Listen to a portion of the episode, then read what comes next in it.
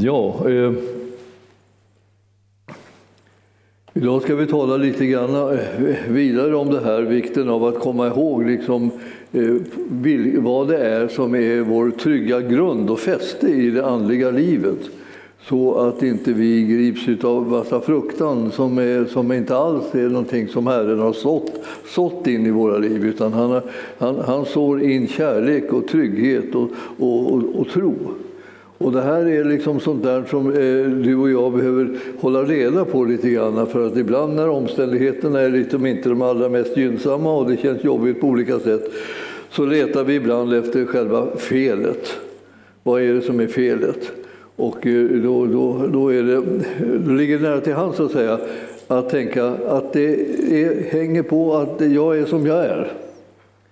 Jag har gjort som jag har gjort eller jag har inte gjort det jag skulle ha gjort och därför så har det blivit så här och därför har det blivit eländigt och därför har det blivit svårt och tungt och, och trassligt och allt möjligt så här. Det är mitt fel.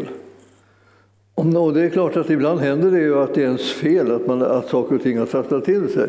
Men å andra sidan, andra, vid andra tillfällen så handlar det inte om det. Utan, utan det handlar helt enkelt om att vi inte riktigt vet på vilken grund som vi står. Så att vi börjar leta efter massa eh, eh, liksom, orsaker till det som händer oss i livet eh, istället för att vi, att vi tar reda på vad, vad är det som är vår trygghet och styrka i livet. Och den, den finns hos Herren och han vill liksom, att vi ska stå trygga och fasta på den punkten. Och då, då, tänkte jag att vi skulle ta titta lite grann först i, i, i Romarbrevet 9 som handlar om Eh, Eh, Israel, det sanna Israel. Och eh, nu har man ju många tankar om det där och folk eh, tänker mycket välsignade tankar över liksom själva staten Israel eller över, över judarna som har varit den som vi beskrivs i ordet också som roten. Så alltså, det har kommit, vi, vi har blivit inympade i roten och där, därvid så har vi Eh, blivit burna av det som har varit tidigare och det har hjälpt oss i livet. Men eh, här så ska vi läsa i den eh, nionde kapitlet i Romarbrevet och den åttonde versen. Det vill säga, alltså han har talat lite grann om det här med att man, att man räknas som barn till Abraham och sådär. Men det vill säga, Guds barn är inte de som är barn genom naturlig härkomst. Men löftets barn räknas som hans efterkommande. Alltså, Guds barn är inte de som har kommit till genom naturlig härkomst. Och eh, man, man, skulle kunna säga så här också, Guds barn har inte kommit till genom att eh, man har skött sig så mycket som man blev Guds barn. Man, var, man, man, man verkligen aktade sig för allting som var dåligt och man gjorde allting som var bra och därför så blev man räknad som Guds barn. Nej, så låg det inte till. Utan det är att man hörde ett löfte. Och det löftet hade sin grund i att han hade sänt sin son av kärlek till oss människor så att eh, vi skulle kunna få en fast, stabil grund att stå på när vi lever det kristna livet och sluta upp och hålla på och gripas av fruktan i alla möjliga olika situationer. Det här är, det här är någonting som är, är inte så där jättemycket praktiserat i kristenheten. Måste säga. Utan man går omkring och känner fruktan och oro för allting. Man väger sig själv och, man väger andra också utifrån vad man ser i deras liv. Liksom hur de beter sig, vad de gör, vad de säger. Och eh, då kan man känna sig ja, de får skylla sig själva så, så som de gör och så som de lever. Liksom, så att, att det går på tok då. Men det finns hos Gud liksom någonting som är mycket fastare och mycket stabilare än alla våra gärningar, alla våra ord och alla, alla våra tankar och allt det här som vi, som vi har en kallelse att hålla reda på. Men, men det, det, är inte genom det som vi får egentligen vår trygghet. Vår trygghet får vi genom att vi tror på det som han har gjort genom sin son. Att det är ett löfte som om frälsning, om räddning, om upprättelse och, och ny födelse och, och barnaskap hos Gud. Det hänger på vad Jesus har gjort och inte på vad du har gjort. Du har tagit emot det i tro. Det vill säga, du har bekänt dig till att det där är, jag ser jag hör att det där är avsett för mig och jag får ta emot det alldeles gratis.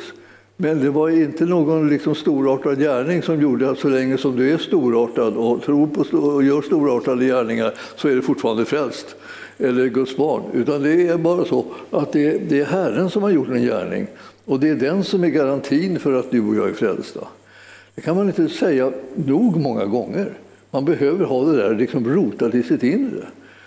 När vi eh, själva märker i vårt liv att det inte har någon riktig rot i vårt inre, ja, då, då lever vi nervöst och, och osäkert och tycker att det är plågsamt och kämpigt på olika sätt.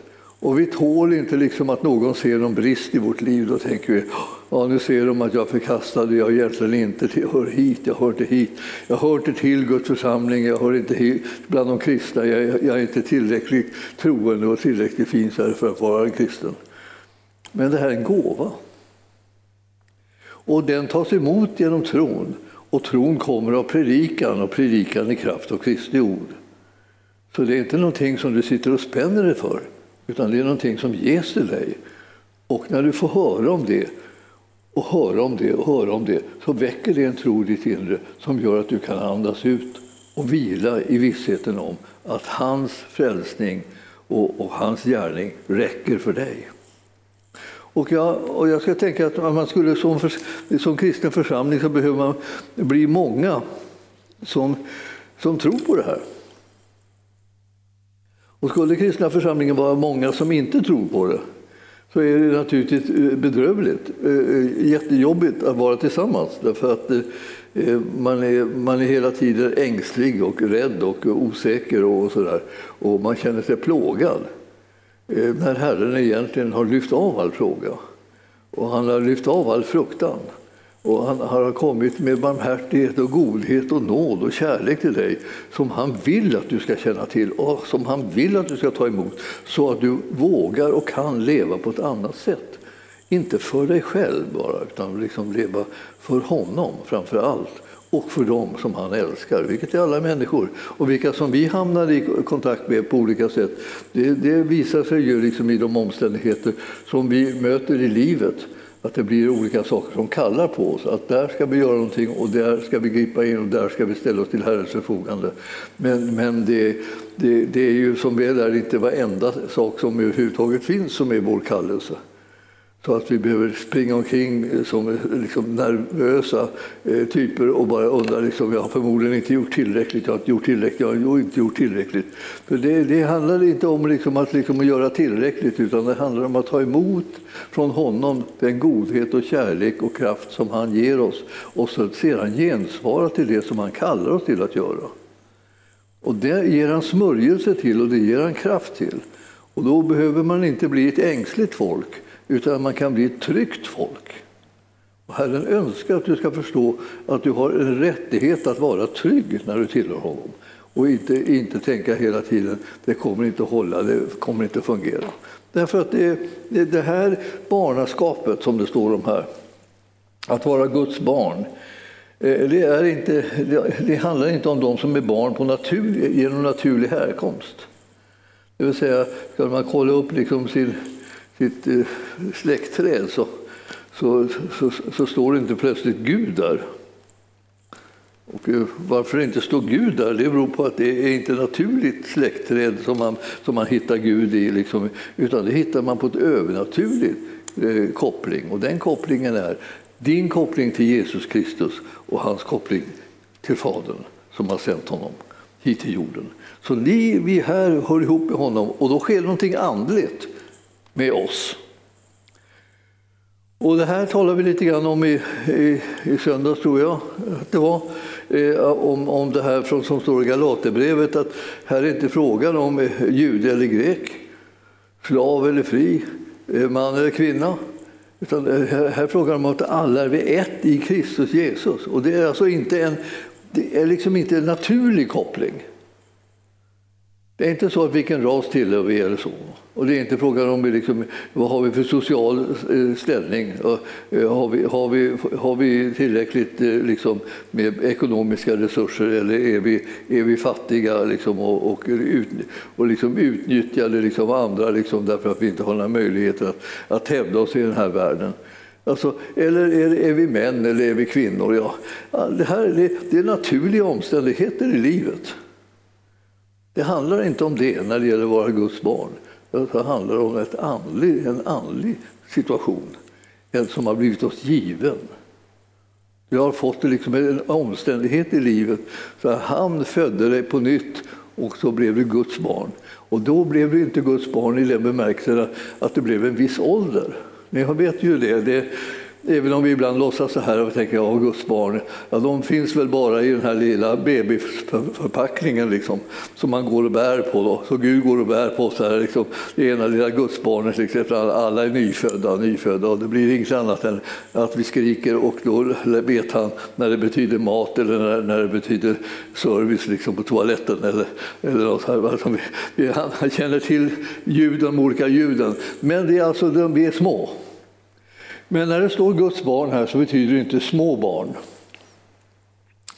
Så att eh, det, det betyder inte spädbarn, då man menar de allra minsta. Och små barn, de är tidiga åldrarna, eh, det betyder inte här heller.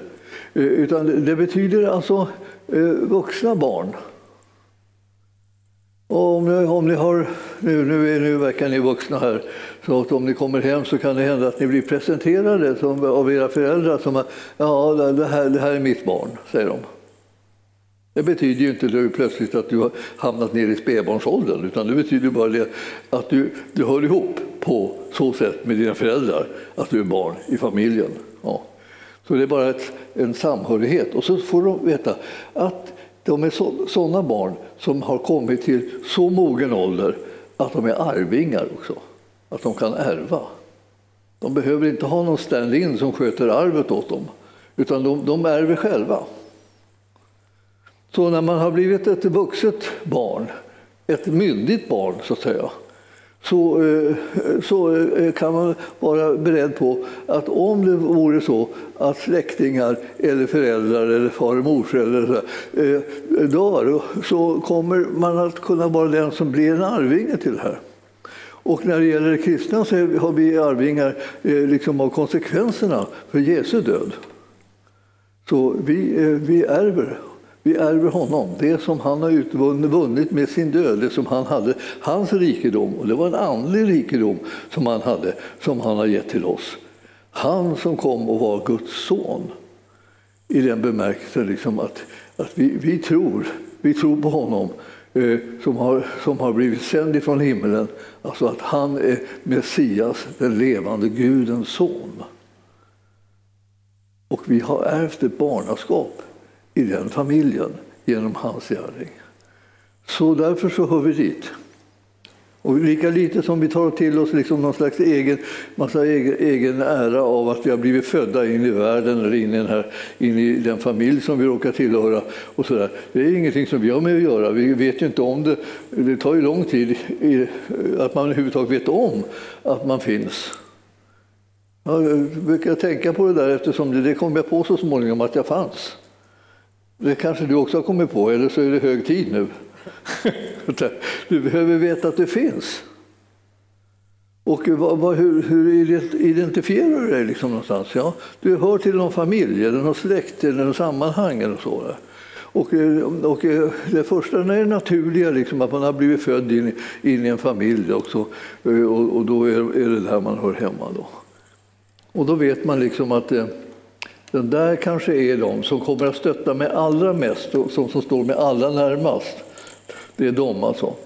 Som jag, jag kanske kan vända mig till i, liksom i, i de värsta, i värsta krigen då, och krisen eller, eller så som jag råkar ut för att jag märker att jag har. Alltså då, då, är, då är det det jag vänder mig till dem. Och ibland så har jag liksom, liksom spolierat den där relationen så, så att det, den duger inte längre. Det går inte. Jag kan inte komma till dem nu längre för 51 gången och be att de ska ställa upp på mina behov eftersom jag inte liksom har brytt mig om deras någonsin. Utan jag har bara liksom levt ett själviskt liv och så ska jag komma till dem och säga ja, men det, nu, du är ju ändå, ni är mina föräldrar, ni måste ställa upp på mig.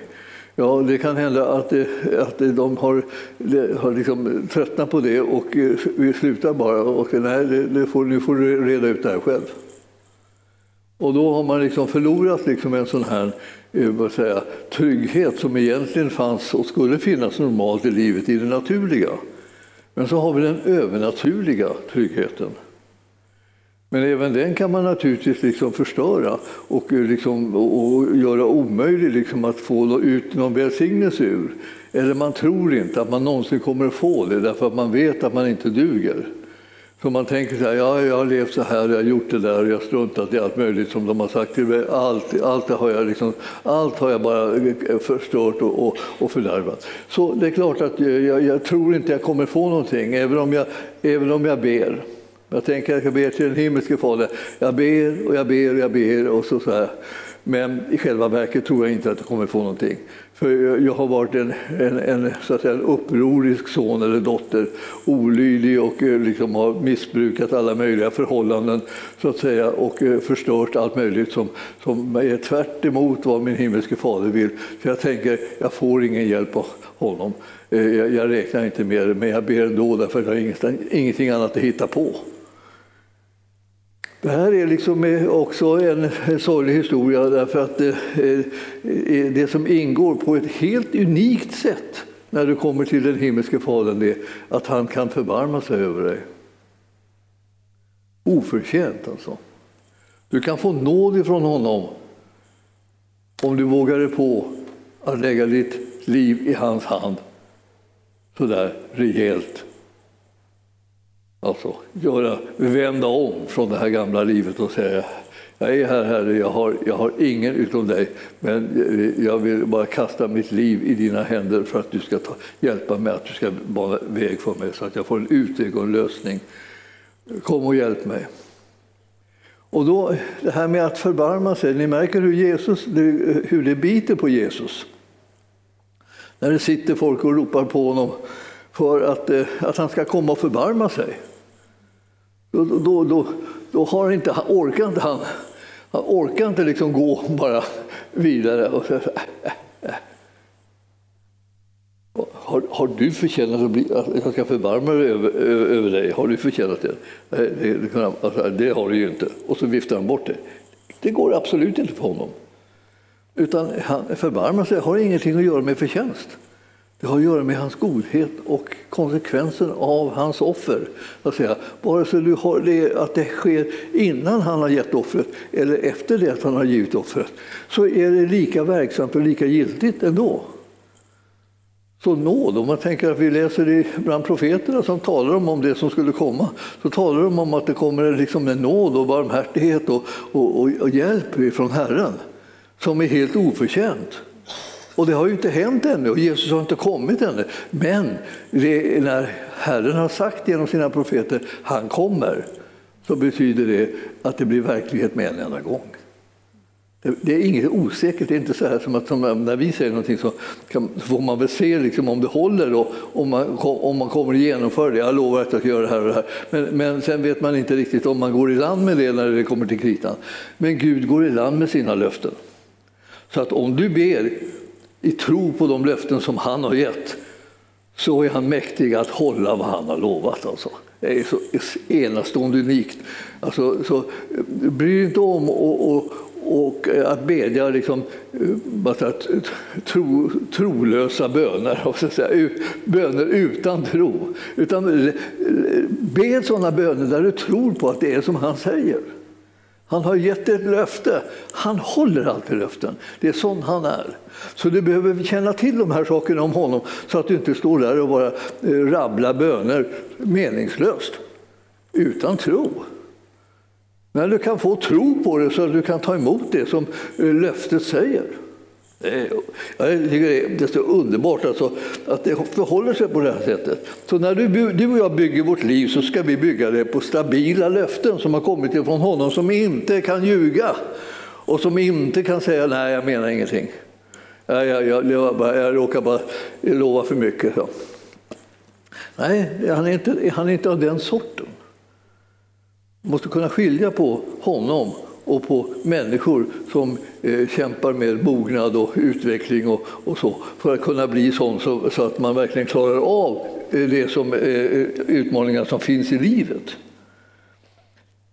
Alltså barn alltså är, är ju såna här i alla storlekar men som hör ihop speciellt med någon därför att den som man hör ihop med så här speciellt är den som har fött den. Och då, eh, då är det den, det är den övernaturliga härkomsten som gör att det, att det föds en övernaturlig människa. Och vi är övernaturliga till vår invärtes människa. Det är vår ande som är övernaturlig. Och där är vi alltså Guds barn i alla, alla våra åldrar som vi har. Så är vi Guds barn. Och så är vi arvingar enligt det löfte som han har gett. Och om du hugger tag i det där i tro, det som är löftet som Herren har givit, och de är många de löftena, så, och alltså, allihopa har fått sin liksom, säkra liksom, bekräftelse och, liksom, och uppbackning eh, genom Jesus Kristus. Det där läser ni ju liksom i Andra, andra Korinthierbrevet, ni har säkert läst det. Det är en nyttig, nyttig läsning därför att det, vi behöver höra det där som är sanningar och inte bara liksom hopp, förhoppningar, utan sanningar. Och det, det här står i, i första kapitlet i, i Andra Korinthierbrevet. Och, eh, 20 eh, versen står det. Ty alla Guds löften har i honom, alltså Jesus Kristus, fått sitt ja och därför så får de också genom honom sitt amen för att, Guds, för att Gud ska bli ärad genom oss. Och den som befäster oss och er i Kristus eh, eh, och eh, som har smort oss, det är Gud. Så här har vi en hjälp liksom att hänga ihop med Jesus Kristus som är liksom själva säkerheten för att vi ska få vad vi ber om. Det, det är någonting som Herren har fört ihop eh, dig med honom så att vi vet att löftena som är givna är hållbara och inte någonting bara liksom ett försök att liksom hålla något eller en önskan. Och jag önskar att jag kunde hålla det där, så jag säger det till dig. Men sen eh, visade det sig att det gick inte i land, jag gick inte i land med det. Eller, eller jag ljög eller, eller någonting.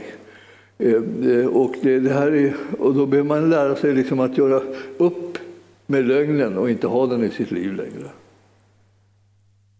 Vi är inte kallade att ljuga i den här världen, utan vi är kallade att tala sanning och leva ut ett liv som är sant. Därför att vi har fått del av det här nya livet, det nya andliga livet. Och det är förvaltare av sanningen. Vi är förvaltare av kärleken och vi är förvaltare av nåden som vi har stött på här. Det är något alldeles enastående härligt så här att liksom tänka mycket på honom som är liksom grunden för alltsammans, som är, som är ljuvligt och underbart. Eh, sen står det så här som för dig då, som tänker så här, hur ska jag vara säker på det här nu då? Ja, förutom att du läser det i ordet naturligtvis, så ser du det också i Romarbrevet här i, i åttonde kapitlet, att mot slutet så står det här att i, i, i det vers eh, 14, alla, ty alla som drivs av Guds ande, de är Guds söner eller Guds barn. Söner, Guds barn. Det är inte heller alltså fråga om liksom, vilket, vilket kön du är i Guds rike. Det har ju en del liksom hakat upp sig på och liksom fått, fått på hjärnan. Att tänka liksom med att det är skillnad på män och kvinnor. Det är det ju inte alls. Gud ställde dem sida vid sida och gav dem exakt samma uppgifter när hans vilja blev synlig för första gången i samband med att han skapade människan. Så var det eh, man och kvinna sida vid sida. Båda var de människor uppdraget att liksom tjäna Herren i den här världen och ta hand om skapelsen och allt det som fanns, som var givet till dem. Och det, så att säga, den typen av uppdrag liksom står kvar. Så det är, det är, en fantastisk insikt om vi skulle kunna ta och samarbeta med det här eh, tillsammans nu då, att vi skulle kunna göra saker och ting eh, ihop alla människor ihop i Guds församling blir vi kallade att göra saker ihop. Och då behövs det, det att vi, vi inte liksom kommer in i någon slags motsatsförhållanden och, och konkurrerar och bråkar med varandra. Det bara, försvagar, det bara försvagar människor och försvagar det som vi kan göra i Guds rike. Utan det är ihop som det går att göra någonting som har någon betydelse och, och som bär någon varaktig frukt. Alltid har Guds församling blivit försvagad genom konflikter. Sådana behöver vi inte liksom skapa eller hitta på. Så står det eh, vidare här att alla som drivs av Guds ande, de är Guds söner. Och eh, eh, ni har inte fått slaveriets ande så att ni på nytt skulle leva i fruktan. Nej, ni har fått barnaskapets ande i vilket vi ropar Abba, fader. Alltså det här med, eh, med att vi är barn i Guds rike, att vi, till, vi är Guds barn, det, det syns ju nästa, i nästa vers också. Vi, när vi läser på här så börjar vi få, nästan få klart för oss att det här är det alltså. Det vill säga anden själv vittnar med vår ande att vi är Guds barn. Det vill säga den Guds ande som har tagit sin boning i dig och mig när vi blir frälsta vittnar med vår egen ande att vi är Guds barn. Vår egen ande det kallar man ibland för den heliga andes tempel. Liksom, så att säga. Det vill säga, där tar den heliga ande plats och bor i det, vår ande, som är den heliga andes tempel. Där bor han.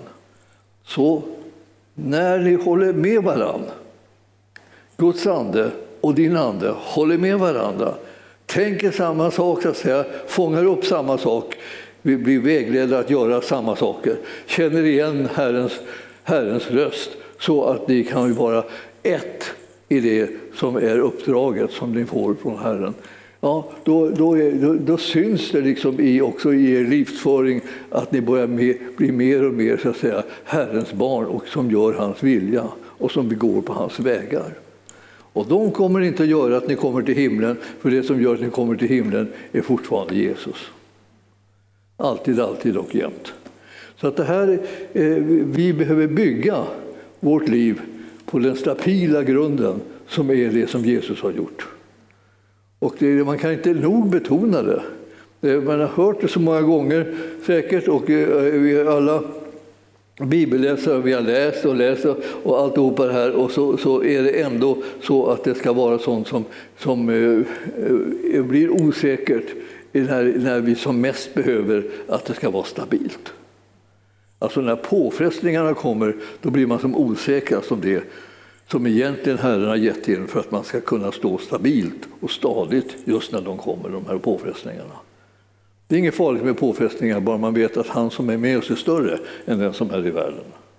Men har man glömt bort det och tappat bort det och ja, inte tänkt på det och inte brytt sig om liksom att tänk, liksom tänka på det eller odla det så här hela tiden, ja då är man där och är på fall innan man vet ordet av och tänker hur kommer det sig nu jag föll igen det för eländigt, eländigt” och så börjar man anklaga sig själv och så gör man ytterligare så att säga, en felaktig bedömning. Det handlar inte om dig, det handlar om att du behöver lära känna honom. Alltså, så att du inte liksom trillar omkull när det, går, när det kommer en svårighet i din väg. Det kommer svårigheter i alla människors liv. Hela tiden, därför att vi lever i en värld som är i den ondes våld. Men ingen av dem är vi kallade att, att liksom falla för eller ge upp livet för eller tänka att ingen idé med någonting eller anklaga oss själva för eller hålla på så här. Det är inte det som är vår kallelse och, för, och inte så som vi ska reagera.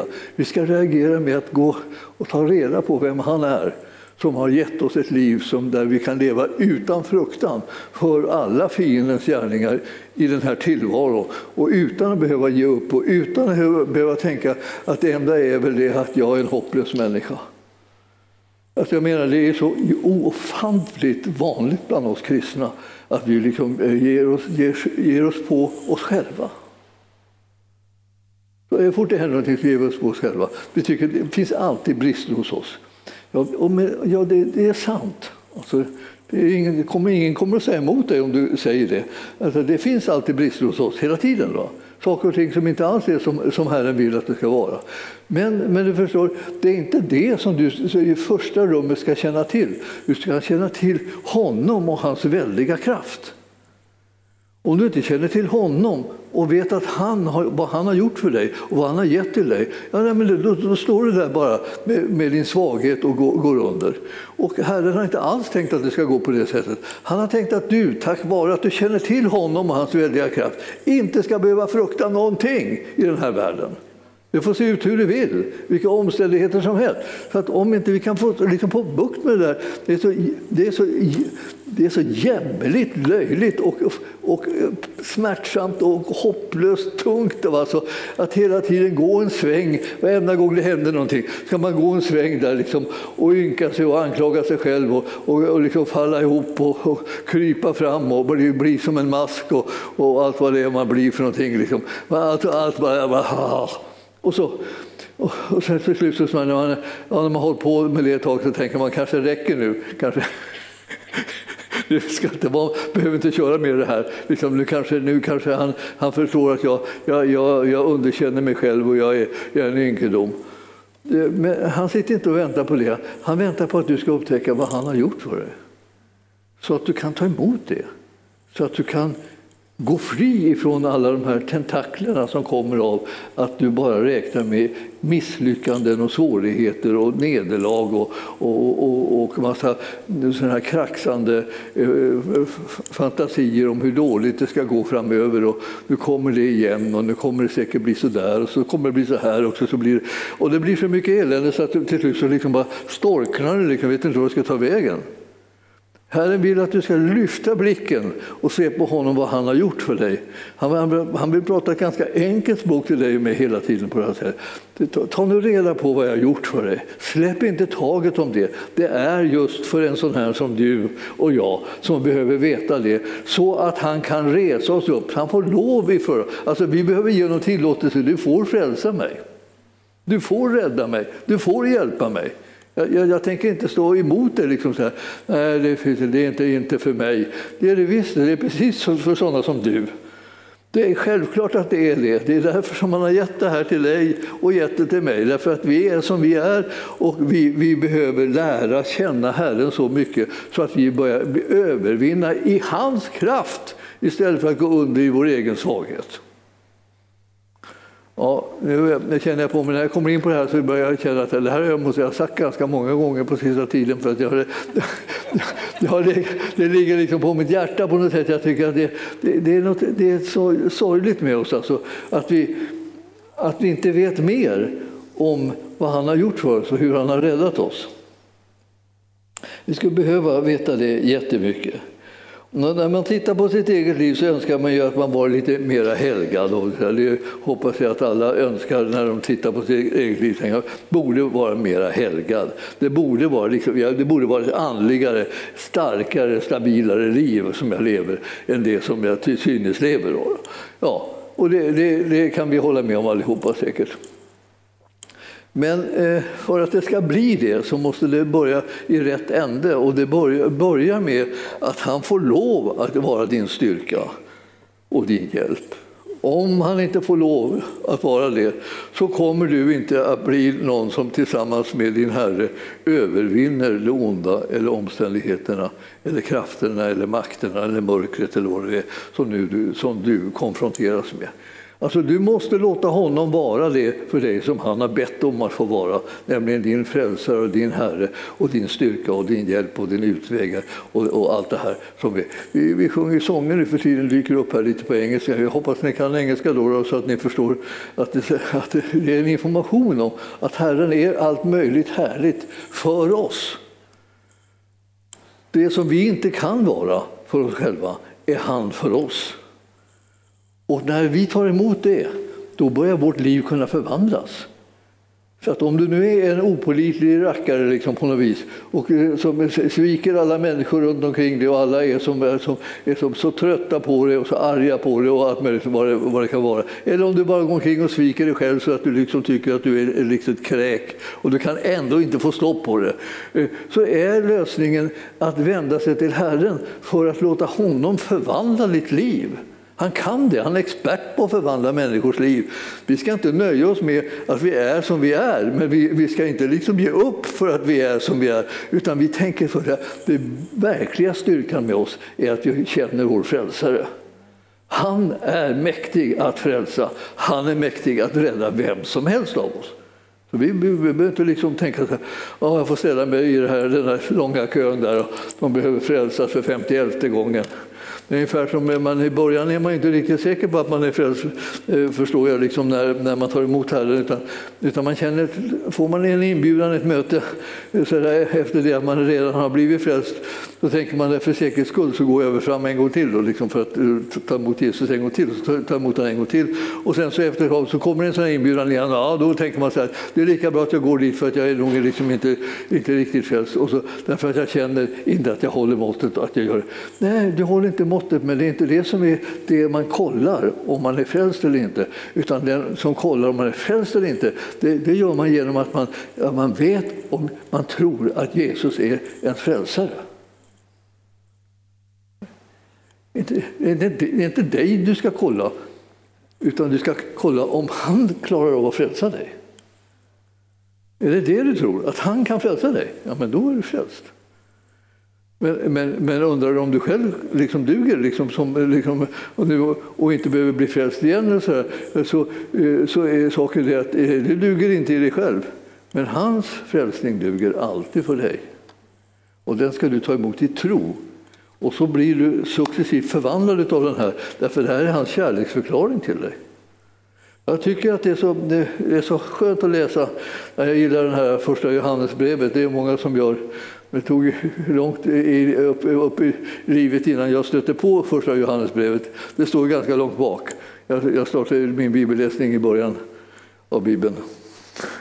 Det tog evigheter att komma fram till första Johannesbrevet. Men när jag kom fram till första Johannesbrevet då, då tänkte jag så här, det här är ju, det här är ju evangelium. Det var det, det var det bästa jag har, har läst.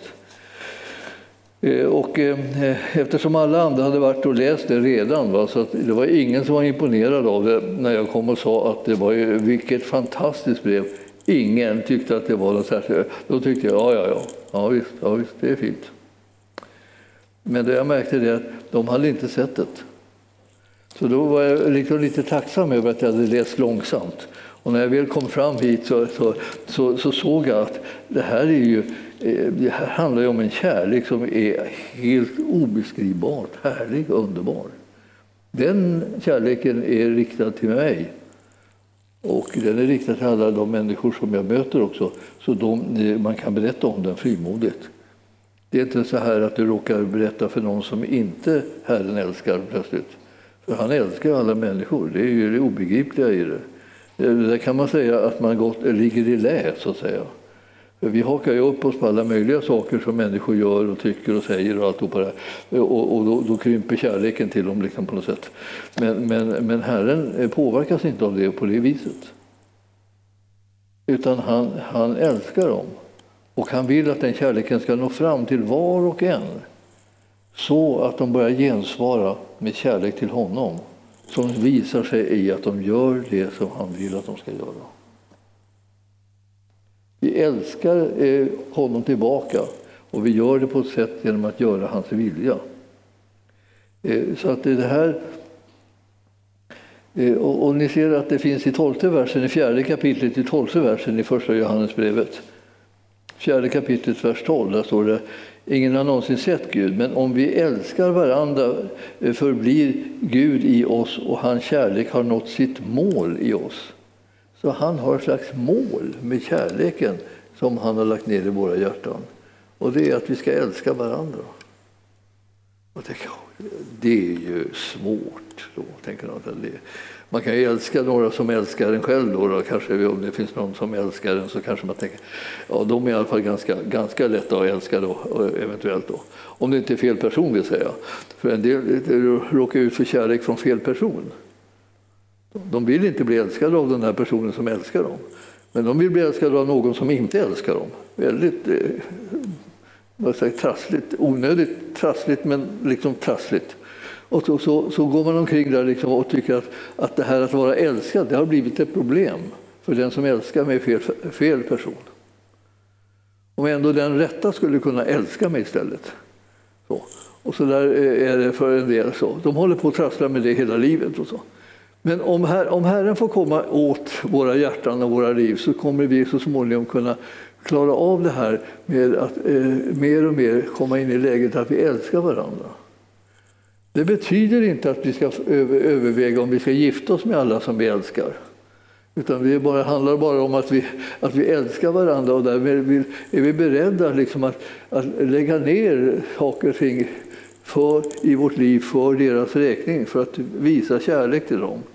Ge dem tid eller ge dem liksom, hjälp eller någonting sånt här eh, beroende på vad vi nu ser att andra behöver. Vi kan liksom glömma varandra lite grann själva då och sen göra någonting för en annan. Och det kan dyka upp liksom då och då att det här kommer. Eller att vi bara slutar upp och gör andra illa. Därför att vi förstår att det vi gör mot dem skadar dem, sårar dem, liksom, eh, bryter ner dem. Så därför så, när vi upptäcker det så kan vi liksom upphöra med eh, den typen av verksamhet. Allt det här, sådana här saker, liksom alla möjliga ting, handlar om det här med att, att det kommer en kärlek som förändrar dig och mig. Och det är människor, andra människor som kommer att få skörda av det, att det har blivit en sån förändring. Men det är inte säkert att vi, vi, vi själva skördar det i första taget utan vi tycker fortfarande liksom att det, det, är bara så underbart. Vi går ting och tänker på att Herren älskar oss och så. Men just när det pågår så börjar vi liksom på något sätt eh, smitta av oss till andra av det här. En gång i min ungdom ja, så var det så att jag, att jag, att jag mötte liksom Herrens kärlek till mig på ett speciellt sätt. Och, eh, och sedan eh, eh, efter en tid efter det då, eller ja, efter det, det var ju kvar liksom på något sätt, men, men, men det var alltså inte själva kulmen då, där, liksom, där slog in det där, för att jag nästan trodde att jag skulle eh, dö bara av den här kärleken som kom från Gud. Så, så eftersom så, så började folk säga saker och ting till mig som jag aldrig hade hört förut. Alltså, och de brukar säga så här, vad är, vad är det som har hänt med dig? Du verkar vara så jättepositiv och glad. Och så. Ja, ja, det, det talar om för mig att det hade jag alltså inte varit innan. Då, då. Eh, vare sig positiv eller glad, utan varit liksom en sån här eh, lite mera felfinnare. Det finns ju många sådana som, som, jag säga, som då inte är profeter. Eh, det är man inte bara för att man tycker att man ser fel hos andra, utan man är, man är bara, bara kritisk heter det. Jag har inte blivit profet, jag har blivit kritisk. Det är ett vanligt misstag. Alltså. Men hur som helst, eh, jag, jag, jag började säga sådana där saker till, till mig, liksom att jag hade blivit positiv. Jag tänkte inte fatta, liksom, jag är precis som vanligt, tänkte jag. Varför tänkte jag det? För att det som hade hänt med mig hade varit så att vad jag höll på och tänkte på egentligen var, var på Herren. Jag tänkte faktiskt inte på hur jag verkade eller hur jag var. Och det här som plågar människor, liksom att de tänker, och undrar vad de tänker om mig. Då. Nu tittar de på mig, nu tänker de det här, nu tänker de så här. Nu, nu tycker de att jag är dum, nu tycker de att jag är ful, nu tycker de att jag är fet, nu tycker de att jag är flottig eller allt vad, vad, vad det kan vara för det. Man liksom, liksom plågar sig själv med en massa negativa omdömen som man inbillar sig att andra har om en. Och så plötsligt så, blir, så möter man Gud och så, blir man, så glömmer man bort att tänka sådana där tankar så tänker man bara liksom att, att han är underbar liksom, och fantastisk. Och, och, och, och, man tänker på olika bibelord, så här, går omkring och njuter på olika bibelord. Och, och visste de det så skulle de inte tro att man var riktigt klok, eller så, men det hade man inte brytt sig om det heller. För det spelar ingen roll vad människan tyckte ett enda smack, för att det, det, man hade mött honom som var helt enkelt underbar och som älskade en själv över allt förstånd. Och det började prägla liksom det sätt som man talade, som man tänkte och som man handlade i förhållande till andra människor. Det där var, liksom, det, det där var, var så där väldigt stor skillnad som hände in i mitt liv. Så många liksom påpekade det. Vad är det med det? Vad är det med det? Så här? Och då menade de inte att det var något fel med mig, utan det var mer att det hade blivit bra med mig. Äntligen! Äntligen hade det blivit något bra med mig. För att jag liksom, jag gick omkring där och kände mig älskad av Gud. Alltså. Och jag var det. Och det är du också. Det är bara frågan om ibland så här, om vi vet om det riktigt ordentligt eller inte. Om vi tänker på det någonting.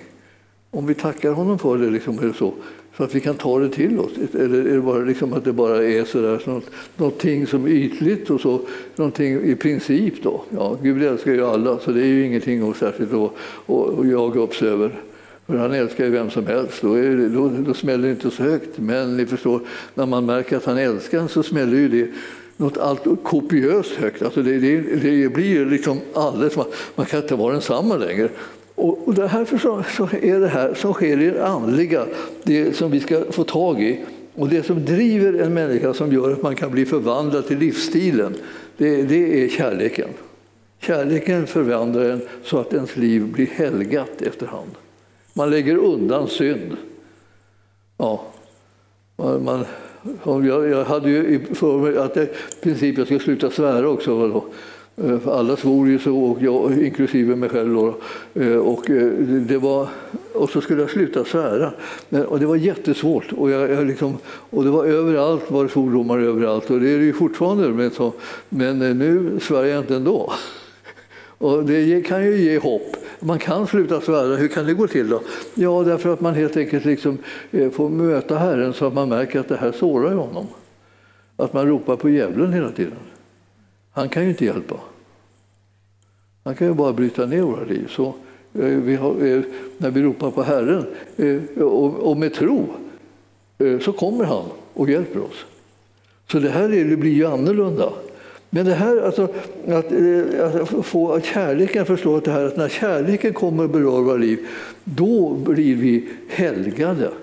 Då ändrar vi livsstil. Och utan att den där kärleken, att vi möter den där kärleken så har vi svårigheter att bara ändra livsstil. Vi kan inte bara ändra livsstil i princip. Nu, nu, nu, ska jag leva, nu ska jag leva rent, nu ska jag leva sant, nu ska, nu ska jag inte stjäla, inte ljuga och inte begå äktenskapsbrott och, inte, och, allt, och allting som jag inte ska göra och hur jag ska leva sen. Och, och, hur jag ska, och så bara ska jag bestämma mig för det och så ska jag låta bli allt det, det som är fel och göra det, allt som är rätt. Jag blir alldeles överansträngd bara jag tänker på det nästan så. Men, men, men om man möter hans kärlek så får man kraft att göra det som man inte kan annars. Och därför så är det liksom, Gud är kärlek och, så, och hans kärlek till oss förvandlar livet. Det, det, det är det, och det gäller jämt. Det gäller hela livet att det är på det viset. Och, så det, det finns ingen annan ingen annan eh, kraft som kan göra eh, den här helgelsen, att den blir en verklighet. Sen eh, eh ska jag bara avsluta med att säga liksom att det är klart att det här helgade livet är ju ett sätt att leva, att eh, leva som att man blir lik Jesus. Det är oerhört svårt liksom, att tänka sig att man själv har blivit väldigt lik Jesus. Liksom. För man känner sig själv i det naturliga så väl så att man tycker alltid att man, så fort man tänker att ja, jag ska vara, jag lik Jesus. Eh, jag undrar om de märker att jag har blivit väldigt lik Jesus. Eh, så, så tycker man att det är klart att de inte märker, jag märker inte det själv. Liksom. Men, men sen är det ju så här att, att eh, Jesuslikhet det är liksom en frukt av att man har låtit sig älskas av honom. Så blir man förändrad och blir honom lik. Och det är inte någonting som du liksom kan titta bara så här på i det yttre. Jag talar lite grann om yttre saker, jag försöker förändra yttre saker. Men man, när man förändrar yttre saker så tar man inte de yttre först och så går man inåt så här. Och så försöker man så småningom nå liksom själva hjärteroten och få ändra det om man, om man är lömsk i sitt inre eller, någonting, eller rutten på något vis. Så, så tar man det sist. Utan det är så att man börjar helt enkelt där, där inne. Och det börjar med att man släpper in den kärlek som man har till dig och mig så att vi börjar få förvandlingen in, inifrån. Det påverkar sedan liksom kroppen och själen liksom, och, så att det yttre, yttre delarna av livet. Och eh, det gör att du får nya tankar och du får nya reaktioner och du blir löst ifrån fruktan och, och, och allt möjligt så här som, som kommer in i ditt liv och bry, har, har velat och brukar, brukar bryta ner dig på olika sätt och, och skada dig. Men de sakerna får ingen makt med dig längre. Därför att du har släppt in den kärlek som övergår allt förstånd och det är alldeles oförtjänt. Och du vet att han har godkänt dig och du vet att han accepterar dig och du vet att han älskar dig ända in i hjärteroten. Liksom.